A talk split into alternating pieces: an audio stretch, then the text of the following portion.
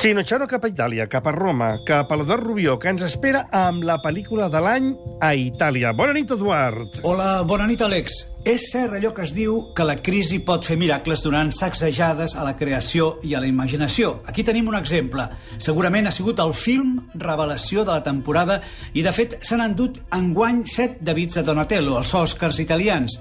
Títol del film Lo que amavano Gic Robot Porta el mateix nom del famós manga televisiu dels anys 70 i 80, però en realitat al darrere hi ha també tota la mitologia dels còmics i els films dels superherois americans, del Capità Amèrica a Batman, un popurri ambientat en els baixos fons de Roma i inspirat en novel·les com Romanzo Criminale i Gomorra.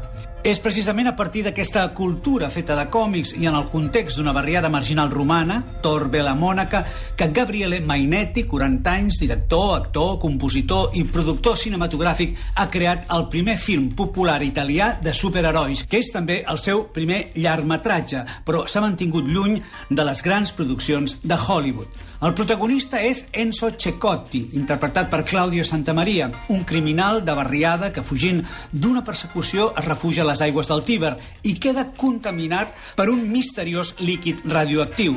De tornada a casa seva, on consumeix bàsicament iogurts i pel·lícules porno, en DVD, res d'internet contemporani, Cecotti descobreix que té estranys superpoders. En el seu camí fílmic es creuarà amb una jove ingènua que només coneix mangas i ànimes japoneses, l'actriu Ilenia Pastorelli, i un gànster, el rival, Lo Zingaro, un jòquer de perifèria interpretat per Luca Marinelli amb la passió per les performances musicals i l'obsessió per la fama. Sens dubte, Lo Zingaro és el personatge més potent de la pel·lícula, el contraheroi, llunàtic, foll, divertit, un malvat atípic però lo que amavano Geek Robot supera el gènere al que pertany retratant amb realisme la degradació de la societat en la que viuen els protagonistes sense adulcorants ni filtres. Mainetti no converteix la ciutat eterna en una postal anònima. La seva Roma és bruta, decadent, alienant, característiques que marquen directament també els personatges.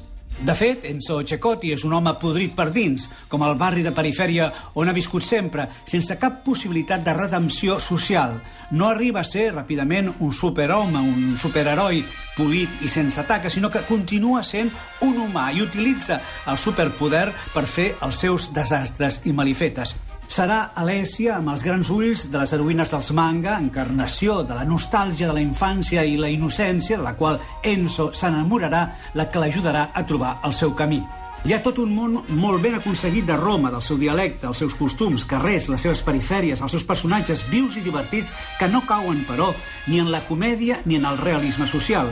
El guió de Guaglione i Menotti i la direcció de Mainetti en aquest sentit són impecables perquè es mouen amb gràcia i naturalitat sense donar a entendre que, de fet, van contracorrent. Podríem dir que ens trobem davant d'una de les millors pel·lícules italianes dels últims anys, sens dubte revolucionària però també divertida i desafiant, tendra i cruel, que s'ha fet viral no gràcies a la publicitat, sinó al contagi i difusió oral del boca-orella.